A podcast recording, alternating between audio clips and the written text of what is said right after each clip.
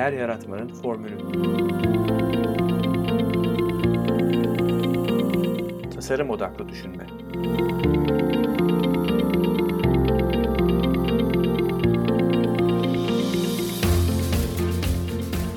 Merhaba, Mete Yurtsever ben.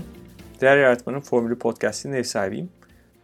Bugün size daha önce LinkedIn'de de e, iki bölüm halinde yayınladığım ESOMAR'ın kongresinden aldığım notları paylaşmak istiyordum. Yazıya dahil etmediğim notlarımı da paylaşacağım. ESOMAR'ın kongresini son iki yıldır ESOMAR TV'den takip ediyorum. Araştırma vakalarını kaliteli sunumlarda uzmanlarla yapılan röportajlar eşliğinde web üzerinden dinlemek, e, dünyada araştırma alanındaki gelişmeleri takip etmek hakikaten bulunmaz bir fırsat. Bu yılki kongrenin konusu dönüşümdü. Başkan Joachim Brecha gerek pazarların gerekse araştırma sektörünün yaşadığı dönüşüme e, vurgu yaptı. Birkaç rakam da paylaştı. Dünya pazarlama harcamasının 1.3 trilyon dolara eriştiğini, reklam harcamasının bunun 600 milyarı ne oluşturduğu ve araştırma pazarının ise 80 milyar dolar seviyesinde yani yaklaşık araştırmanın, reklamların 8'de biri kadar bir oran. E, sonra şöyle bir benzetme yaptı. Nasıl birinci sanayi devriminde kapitalizm e, zihniyeti buhar makinesi teknolojiyi temsil ediyorduysa dördüncü sanayi devriminde de teknoloji rolünü veri oynuyor. Yani gücü veren e, veri. Onun dayandığı zihniyet insan odaklılık olmalı dedi. Araştırmacıların veriyi en iyi anlamlandırabilecek profesyoneller olması ve araştırmanın doğasında insan odaklılık olması nedeniyle araştırmacıların bu sanayi devriminin Adam Smith'i ideoloğu olabileceklerini iddia etti. Şüphesiz e, toplumun büyük bir kesiminin kişisel verileri hakkındaki endişeleri giderek e, büyüyor. Bu da araştırma sektörü içinde bir problem. E, Brecha teknolojinin kullanımının değerlere göre şekil aldığını, dolayısıyla etik olmanın vazgeçilmemesi gereken değerlerden olduğunun altını çizdi.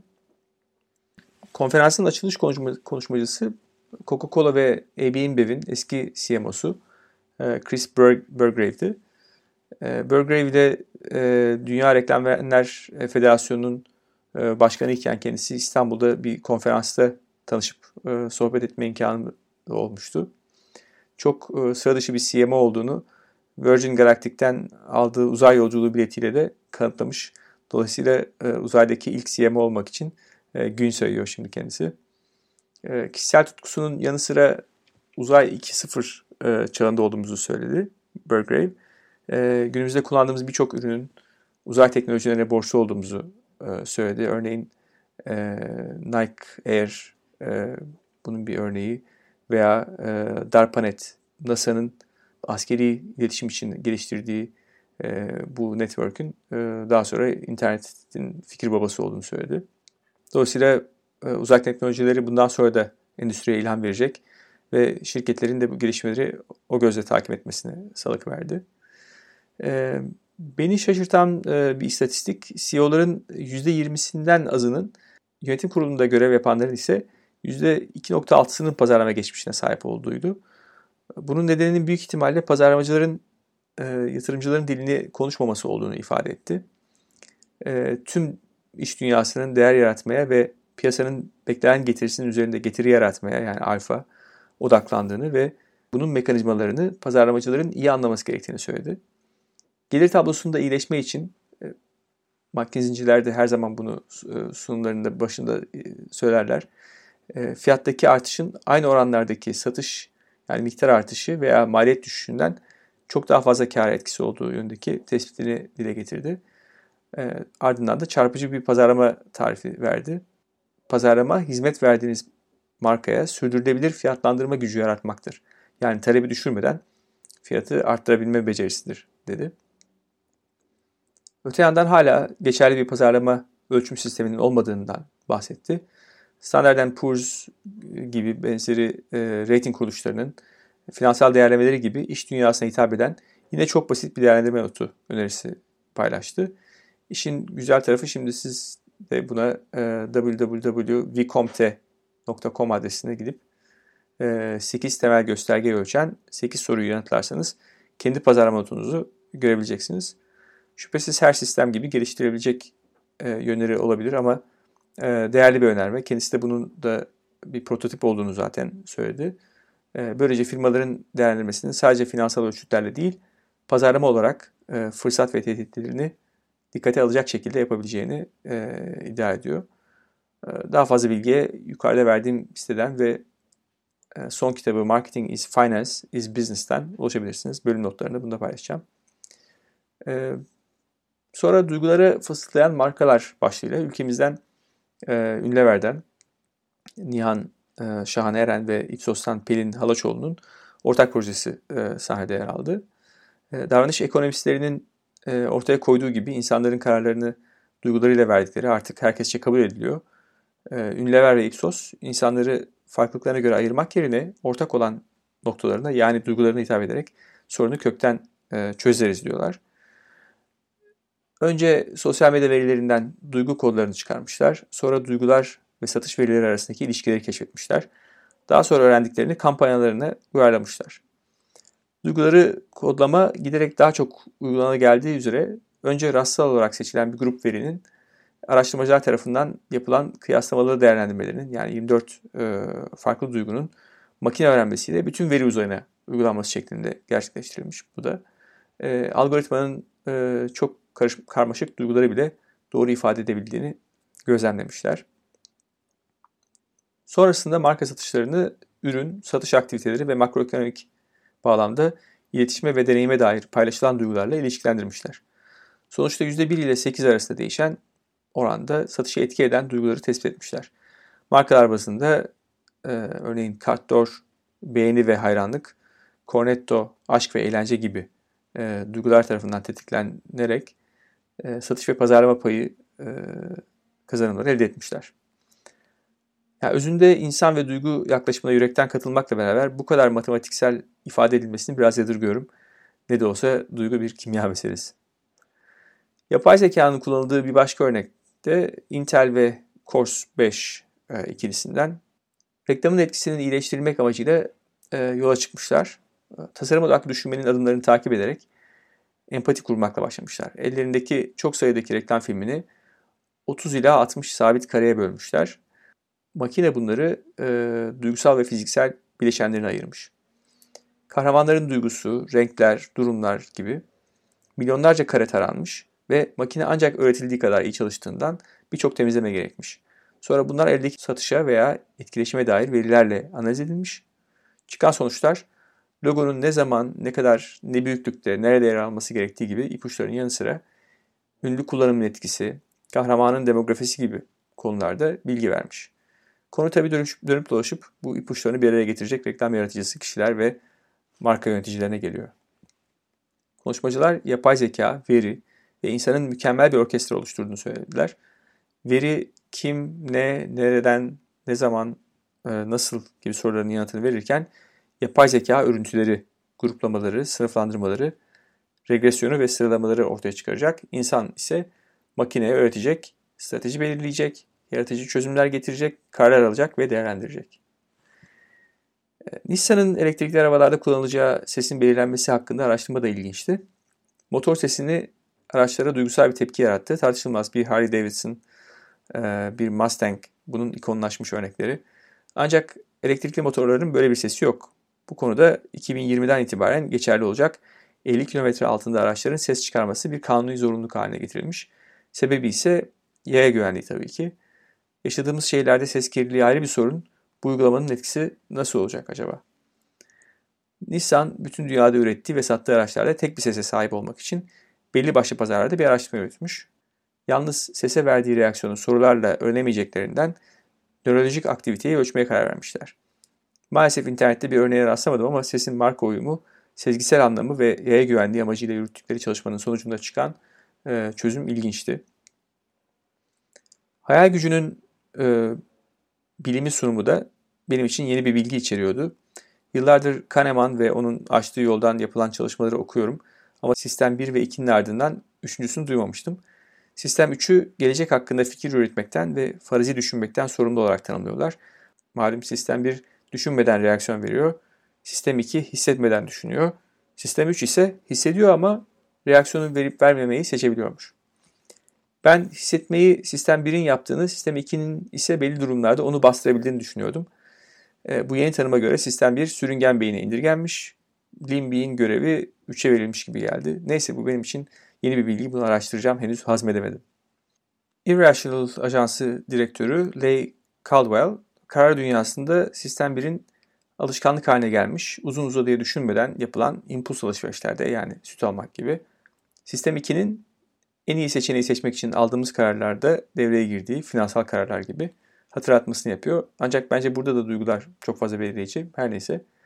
Sistem 3 ise soyut ürün ve hizmetlerde örneğin tatil veya yeni bir ürün, marka için kendimizi nasıl hissedeceğimizi kestiriyor. Markaların bu dünyayı beynimizde canlandırmaya çalıştığı, sonrasında deneyimlerimizin bu imgeyle uyuşması halinde bir sistem bir davranışına dönüşeceği vurgulanıyor. Şöyle düşünün, e, deneyimler beynimizde labirentler oluşturuyor. Her adımda ödül veya ceza var. İzleyerek tercih yapıyoruz. Yeni uyaranlarla değişiklikler olabiliyor tabi. Dolayısıyla ödülden birkaç adımdan uzaklaşsa bile zincir halindeki simgeleri, çağrışımları takip edebiliyoruz. Sonuçta logo eşittir tat veya haz oluyor. Çalışmada tüketicilere marka, reklam veya ürün için belli sıfatlar, çağrışımlar seçtiriliyor. Ortaya bir bağıntı şeması ve pozitif negatif çağrışımlardan gelen bir puan çıkıyor. Firmalar bağıntı şemalarındaki boşlukları yani fırsatları değerlendirebilir. Rakiplere göre güçlü ve zayıf yanlarını görebilir deniyor. Çalışmanın benim için en şaşırtıcı çıktısı yükselerek giden bir çizgi grafik. Yani söz konusu markanın algı puanıyla satın alma sıklığı arasında mükemmel bir korelasyon görünüyor. Tabii tek bir örnek ama e, memnuniyet ve bağlılık, e, loyalty arasında ilişki görmek yine de güzel. Marka dönüşümlerine ait oturumda iki konuşma ilgimi çekti. İlkinde Meksika'nın sadece kendi kategorisinde değil, Meksika'yı temsil eden bütün ticari değerler arasında önemli bir yere sahip olan korona birası vardı. Meksika'nın gururu olmasına rağmen son yıllarda pazarda yeni ithal markaların varlık göstermesiyle markanın kalite algısında ve ayrışma göstergelerinde düşüş gö- göstermiş. Önümüzde iki seçenek vardı diyorlar. Ya ürün yani kalite, proses, ham madde iletişimi yapacaktık ya da gerçekten benzersiz olan yönümüzü yani markamızı ve değerlerini öne çıkaracaktık. Her markanın tarihi var ama her markanın korona gibi bir hikayesi yok demişler ve koronanın hikayesini Meksika üzerinden anlatmaya karar vermişler. Bunu da zamanın ruhuna uygun olarak tüketicilerle oluşturmak, kontrolü onlara vermek gerektiğini düşünmüşler. Biliyorsunuz eskiden tek yönlü iletişim vardı. Şimdi tüketici de katılmak istiyor. Ortaya korona müzesi fikri çıkmış. İnsanlar sadece koronanın değil, Meksika'nın tarihi, pop kültürüne ait çok sayıda medya ve materyalden oluşan müzeye girmeden önce marka hakkındaki mevcut algıları ve bilgileri sorgulanmış. İçeriye girdikten ve bir süre yalnız geçirdikten sonra araştırma şirketinden ve markadan birer kişi gelip bunun korona için yapılan bir çalışma olduğunu ve kimliklerini iştenlikle paylaşmışlar. Katılımcılar sonraki 3 saati malzemeler üzerinde çalışarak, yazarak, konuşarak, konforlu ve yaratıcı bir ortamda biralar eşliğinde geçirmişler. Bu sırada reklam ajansı dışarıda olup bitenleri izleyip eş zamanlı çalışmış. Ortaya çıkan iletişim tüketicide karşılığını bulmuş olmalı ki tüketici göstergelere yansımış. Ayrıca artık tüketicilerin güçlü talebiyle müze her sponsor olan etkinlikte Meksika'yı geziyormuş. Bir diğer vaka ise Uyuyan Devi Uyandırmak başlığıyla Diageo'nun Gordon's Gin'i. Gordon's Gin İngiltere pazarında kategori büyürken yani 2012'de %45 pazar payından 2016'da %37'ye kadar gerilemiş. 2015-2017 yılları arasında ise pazara 152 yeni cin markası sunulmuş. Öte yandan büyümenin %62'si 3 büyük markadan geliyormuş. Peki neden? Bir seri araştırma yapıyorlar, semiotik ve kalitatif. Çünkü insanlar hayatlarında daha fazla karmaşa istemiyorlar. Satın aldıkları üründe neyle karşılaşacaklarını bilmek istiyorlar. O yüzden büyük markalar aslan payını alıyorlar. İyi de o zaman neden pazarın en büyük markası Gordon's Gin bundan daha fazla yararlanamıyor? Onun da yanıtı markanın artık soluklaştığı, eski ama rahat bir kazak gibi evde giydiğiniz ama dışarıda üstünüzde görünmesini istemeyeceğiniz bir eşyaya dönüştüğü hissi. Araştırma ekibi markaya şunu tavsiye ediyor.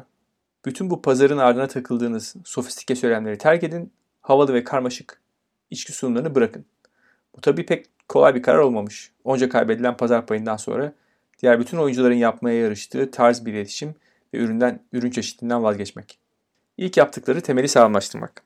Onca yeni ürün içinde silikleşen şişeye kıymetli vasıflarını korurken modernlik ve zarafet kazandırmakla başlamışlar. Yeni şişe tüketiciye gerçekten heyecan vermiş olmalı ki sadece ambalaj değişikliğinden satışların %3.1 arttığını tespit etmişler. Sonrasında lansman kampanyasında sadelik ve ferahlatıcılık sıcak bir yaz gününde ayaklarını serin bir havuza sokar gibi temasıyla üzerinde çalışmışlar. Kampanyanın yalınlığı kategorinin ciddiliğinin arasından sıyrılmayı başarmış. Büyümeye yeni alanlar açmak için ise yeni okazyonlar yaratmayı ve cin kategorisi dışından başka alkolü içecek sevenlere cini denetmeyi seçmişler. Aslında 1920'lerden beri portföyde bulunan RTD'lerin Ready to Drink, içime hazır kokteyl, tüketici için önemli olan konulardan mükemmel oranda karışıma cevap verdiğini fark etmişler ve bu seriyi yenilemişler. Sonuç 2 yıl üst üste %50 büyüme ve Nielsen Hane Tüketim Paneline göre Gordon's RTD içenlerin üçte biri ertesi yıl Gordon's Gin'e geçmişler. Son olarak lanse ettikleri Gordon's Pink, pazarda Gordon's Gin'in yani orijinal ürünün ardından %20 değer payıyla pazarda ikinciliğe oturmuş. Yağcıcılar kulaklara küpe şu tavsiyede bulunuyorlar. Öğrendik ki sağlıklı oturmuş, iyi momentumu olan bir markada inovasyon çalışıyor. Ama markayı onarmadan, marka hazır olmadan asla inovasyona girmeyin diyorlar. Onlardan son bir özlü söz daha. Büyük markalar insanlarla bağ kurmakta başarısız olduklarında başarısız olurlar. Çok etkileyici. L'Oreal ise giderek büyüyen sosyal medya dünyası içinde olup bitenleri daha iyi anlamaya çalışıyor. Temelde bakım ve güzellik trendlerini, müşterilerin bu ürünleri kullanma alışkanlıkları ve tekniklerini ve dijital kabileleri ve büyüklüklerini araştırıyor. Onlar da herkes gibi yapay zekanın da içinde bulunduğu karma tekniklere başvuruyorlar. L'Oreal, Intel'in ilk bölümde anlattığım fotoğrafları etiketleme işini sanki bir adım daha öteye götürüyor ve örneğin resimdeki kadının sadece göz makyajı var mı yok mu değil, renginden yapılan işlemin detayına kadar zengin bir kodlama kullanıyor. Bu detayda bir ayrım farklı zevkleri ve uygulamaları gruplama imkanı sunuyor. Buna göre İspanya'da 7 kabile belirliyorlar. Dumanlı gözler, klasik pinap, çalışan kız gibi isimler vermişler. Haliyle bu insanların beğenilerine göre içerik ve ürün tavsiyesinde bulunmak mümkün olmuş. Hatta L'Oréal Paris yükselen trendlere göre yeni başarılı ürün serileri çıkarabilmiş. L'Oréal için de bir sonraki zorluk video paylaşımları. Şimdi onun üzerine çalışıyor olmalılar. Audi 2015 yılında İngiltere pazarında daralan premium segmenti ve marka algısındaki sorunlar nedeniyle varlıklı kesimleri daha iyi anlamak için bir çalışma başlatıyor. Bu kişileri evlerinde ve arabalarında gözlemledikleri bir etnografik aşama sonrası marka çalıştayları düzenliyorlar. Ardından elde ettikleri bilgileri bir kantitatif teste doğruluyorlar. Son olarak bu bulgular ışığında müşteri veri tabanını bazı ek bilgilerle güncelliyorlar. Sonuçta sahip oldukları marka arabalar veya ne kadar para harcamak isteyeceklerine göre değil, kendilerini ve dünyayı nasıl gördükleri ve marka ile nasıl bir ilişkide olmak istedikleri anlamında farklılaşan dört grup insan belirliyorlar. Aydın varlıklılar, imaj küratörleri, maksimize eden varlıklılar ve kafası karışık varlıklar. Dış görünüş, sürüş zevki gibi klasik beklentilerin dışında bir şey keşfetmişler. Varlıklı insanlar arabalarını diğer lüks arabalarla değil, kategori dışındaki lüks markalar ve deneyimlerle kıyaslıyorlar. Burada da sadece Audi için değil, diğer markalar için de bir hayal kırıklığı olduğunu tespit etmişler. Öte yandan Audi'nin cool imajının ana akım segmentte işe yaradığını ancak varlıklı kesime hitap etmekte yeterli olmadığını görmüşler. Son olarak araştırma bu dört gruptan ikisinde Audi'nin güçlü ancak diğer ikisinde zayıf bağlantıda olduğunu belirlemişler. Bu dört gruba özelleştirilmiş iletişim ve portföy stratejisiyle 3 yılda pazar payı büyümesini 3'e katlayarak Audi'yi %10 oranında büyütmüşler ve lüks segmentin satışları içindeki payını %31,5'tan %34'e çıkarmışlar. İşte ben de L'Oreal ve Audi sunumlarından sonra tüketici segmentasyonu olmaz diyenlere hayret etmeye devam ediyorum. Kapanışta Esomar yöneticileri büyük veriden alınan davranışlarla araştırmadan alınan algıların harmanlanması gerektiğine dikkat çektiler. Ancak bu şekilde Big Data yani ne ve Tick Data neden soruları bir araya gelirse C-Suite bu CEO ve bütün C'li yöneticilerin, üst yöneticilerin nezdinde sözümüzü dinletebileceğimizi söylediler. Hesap verebilirlikle başladık, onunla kapattık. Eğer insan odaklı pazarlama, tasarım odaklı düşünme, davranış ekonomisi gibi konular ilginizi çekiyorsa lütfen bu podcast'a abone olun. Ve dinlediğiniz bölümleri beğeniyorsanız, faydalanıyorsanız vereceğiniz yıldızlar ve değerlendirmeler bu yayınların daha çok kişiye ulaşmasını sağlayacak ve tabii benim için de büyük bir motivasyon olacak. Her bölümle ilgili kullandığım ve bahsi geçen kaynakları, linkleri bölüm notlarında sizinle paylaşacağım. Sorularınız varsa bana Twitter'dan veya mete.innolabs.ist e-mailimden bu e-mailde notlarda var. Ulaşabilirsiniz. Podcast'te dinlemek istediğiniz konular, başlıklar veya konuklar varsa öneri olarak bana iletirseniz çok sevinirim.